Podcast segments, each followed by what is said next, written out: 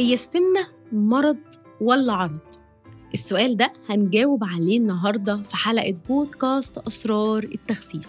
معاكم دينا حسين أخصائية تغذية علاجية وتغذية رياضية مدربة رياضية معتمدة و health coach قبل ما نتكلم في موضوعنا انزلوا اعملوا لي rate خمس نجوم واكتبوا review ده بيشجعني إن أنا أكمل واستمر أكتر. خلونا بقى نرجع لموضوعنا. هل السمنة أو زيادة الوزن المفرطة هل هي مرض ولا عرض؟ هل الشخص اللي وزنه عالي هو مسؤول مسؤولية كاملة عن اللي هو فيه ولا لأ؟ في عوامل كتير خارج إرادته هل الحديث ده كلنا بنفكر فيه لما بنشوف حد وزنه عالي نقعد نفكر هو ليه سايب نفسه كده هو وبنقعد نلومه وبنشوفه إن هو المسؤول المسؤولية الكاملة عن اللي هو فيه ده عشان كده معظم الناس اللي بتعاني من السمنة عايشة بإحساس العار وإن هي عايزة تستخبى لأنها بتلوم نفسها كل يوم عن اللي هي فيه. كم مرة اديناهم أسئلة بعينينا من قبل ما نتكلم. هو أنت سايب نفسك كده ليه؟ هو أنت ما حاولتش تخس؟ هو أنت مش شايف إن أنت تخين قوي على أساس إن هو مش شايف نفسه أو ما حاولش قبل كده؟ الناس اللي عندها سمنة بتعاني من التنمر وفي نسبة انتحار عالية بين الناس اللي بتعاني من السمنة بسبب التنمر اللي بيواجهوه في المجتمع. التنمر مش بيقف عند هنا بس حتى في مقابلات العمل. يعني الشخص اللي وزنه عالي فرصه إن هو يتقبل في وظيفة أقل من الشخص اللي وزنه مش عالي. وهنا يعني نقعد كده نفكر كده إيه علاقة الوزن بأداء الشخص في شغله أنا بعد كل ده هحاول أتجرد وأحاول أتكلم معاكم مش أنا دينا وأحاول أنقل لكم وجهة نظر العلم. هتكلم معاكم بحيادية تامة وأتمنى منكم الحلقة دي أنتوا كمان تسمعوها بحيادية تامة وبمنتهى التجرد. وكعادتي أنا طالعة الحلقة النهاردة أتكلم معاكم من غير ما أكون مجهزة ولا كاتبة في ورقة وقلم. أنا بطلع أقول لكم اللي في قلبي واللي أنا عايزاه يوصل لكم وأتمنى إن الرسالة توصل لكم. خلونا بقى نتكلم من ناحية العلم.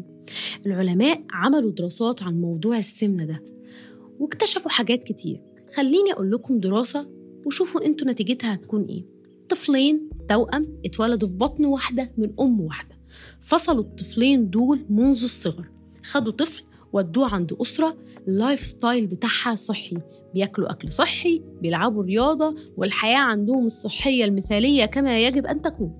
الطفل التاني راح لأسرة عادية اللي بتاكل fast food وقاعدة بتتفرج على تلعب PlayStation والناس اللي هم نمط حياتهم غير صحي.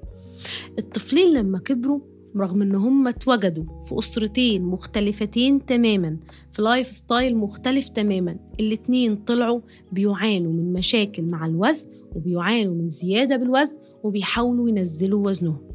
رغم إن الطفلين في أسرتين مختلفتين. خليني أقول لكم حاجة تانية مش دراسة ملاحظة كلنا بنشوفها. كم واحد فينا شاف حد وزنه عالي أب أو أم جد أو جدة وغالبا بيكون ليهم حفيد أو طفل في الأسرة عنده نفس المشكلة طفل أو طفلين أو ثلاثة هل يا دينا أنت بتقولي إن السمنة وراثة؟ أنا ما قلتش. أنا قلت لكم إن أنا هتجرد من رأيي وهتكلم معاكم في حيادية في الحلقة دي وهسيبكم الإجابة ليكم أنتوا. يعني الدراستين دول لما هنفكر فيهم كده أنا كدينا وأنتم هنقول لأ في عامل وراثي في الموضوع مش بس كده. تعالوا نتكلم عن العامل الجيني. كان في جين اسمه ال FTO جين قبل سنة 2007 العلماء ما كانوش عارفين الجين ده مهمته إيه. الجين ده موجود في أجسامنا كلنا على الخلية الدهنية بتاعتنا. حقيقي العلماء ما كانوش عارفين الجين ده بيعمل إيه. الغريبة انهم لاحظوا ملاحظة تانية إن الجين ده موجود عند بعض الناس متحور أو متغير في اختلاف فيه.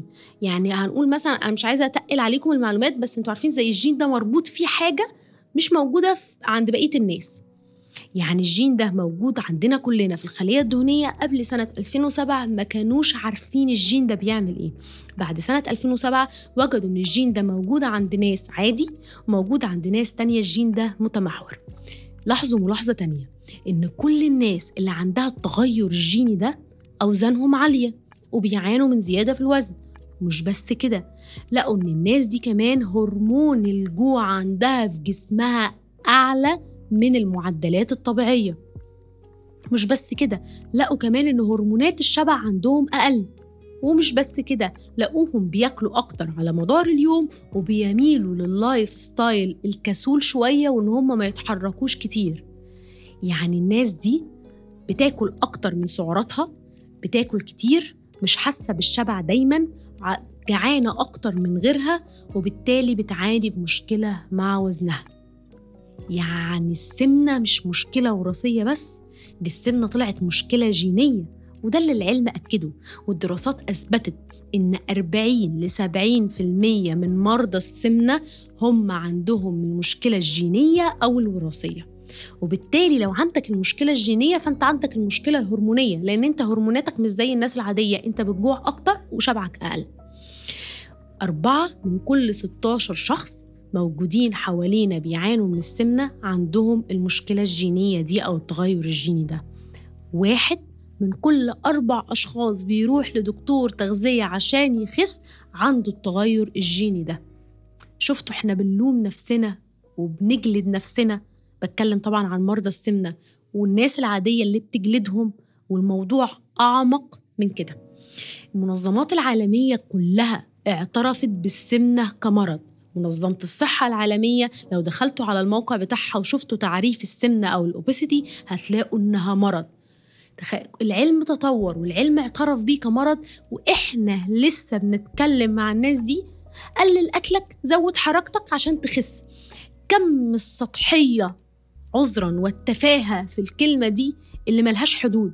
يعني أنت تفتكر إن الشخص ده ما حاولش يقلل أكله ويزود مجهوده عشان يخس؟ كان مستني معلومتك القيمة دي جدا عشان يعملها عشان يخس. ف مش عارفة أقول إيه الصراحة يعني يعني عايزة أسكت للحظة كده يعني اللي هو يعني حقيقي الواحد بيشوف كتير على ال social media كم سطحية في الكلام مع الناس اللي بتعاني مع الوزن العالي. حرفيا بحس بكمية غضب من جوايا اللي هو لو أنت مش دارس أو مش متعمق في الموضوع ومش مدرك المشكلة اللي بيعاني فيها الشخص اللي قدامك اللي بتوجه له الرسالة بطل كلام. بطل تقول له قلل أكلك زود حركتك. قلل أكلك زود حركتك. أنت ليه ما أصلك أنت ما بتاكلش أكل صحي. الموضوع أكبر وأعمق من كده. عامة أنا مش عايزة أتكلم عن الناس دي. أنا عايزة أكلم الناس ودول اللي يهموني. الناس اللي بتعاني من السمنة وسطينا. اللي أنا كنت واحدة منكم. أنا مش بعيدة عنكم. أنا مريضة سمنة ودايما بقولها ومش زعلانة ومتقبلة ده. وهو ده بقى اللي أنا عايزة أتكلم معاكم فيه. أنا حاسة إن أنا مثلا اديتكم جرعة كآبة كبيرة في الحلقة دي. أتمنى إن ما تكونش حلقة كئيبة على قد ما تكون حلقة واقعية. أنا عارفة السؤال اللي هيبقى جواكم دلوقتي. يعني يا دينا إحنا هنعيش ونموت تخان؟ هنفضل طول حياتنا بنعاني من السمنة؟ ما أنت معنى كلامك كده يا دينا. لا أنا ما قلتش كده. أنا عايزة الأول أدخلكم في مرحلة تقبل الواقع وتقبل المرض وخلوني أقلبها لكم بمرض تاني عشان تفهموها. لو حد راح لدكتور وقال له أنت مريض سكر أو مريض نقرس يعني مرضى النقرس الدكاترة بيقولوا لهم ما تاكلوش لحوم حمراء. مرضى السكر الدكاترة بيقولوا لهم ما تاكلوش أكل غير صحي عشان السكر عندكم ما يعلاش. ومعظم الأمراض اللي موجودة في الدنيا لازم التغذية ليها تغذية معينة سليمة عشان أعراض المرض دي تقل. هل البني آدم ده لما بيخرج من عند الدكتور بيبقى كاره نفسه وبيلوم نفسه على السكر اللي جاله وبيحس إن هو مختلف عن الناس ومتضايق وكده ولا بيكون راضي بقضاء ربنا؟ أنت إمتى هترضى؟ ارضى بقضاء ربنا. أيوه ارضى. حقيقي الرضا هو نص الرحلة. لو وصلت لمرحلة الرضا والتقبل إن المشكلة اللي أنت فيه فيك دي أنت مش مسؤول عنها. مش انت اللي عملت في نفسك كده. ربك اللي خلقك هو اللي خلقك بالابتلاء ده. لازم تتقبله وتتعايش معاه وتعالجه. وتشوف ال lifestyle الصحي المناسب. ونحمد ربنا نحمد ربنا إن المرض اللي عندنا حله شوية أكل صحي وحركة عشان نسيطر عليه. الحمد لله إن إحنا مش محتاجين ناخد أدوية أو نقعد على سراير ولا كل الحاجات دي. الحمد لله. صدقوني أحيانا كتير التقبل بيحل لنا مشاكل كتير في حياتنا. دايما بقولها لأي حد بيتابع معايا وأي حد في تحدي الست أسابيع لما بنتقابل كل يوم أربع في ال Zoom session بتاعتنا accept reality حقيقي أعصابي تعبانة شوية أنا بتكلم في الموضوع ده. ومش همسح الحلقة وأعيدها تاني أنا هقولها زي ما تطلع تطلع. تقبلوا حقيقتكم تقبلوا واقعكم. ومن هنا هتبتدي رحلة التغيير.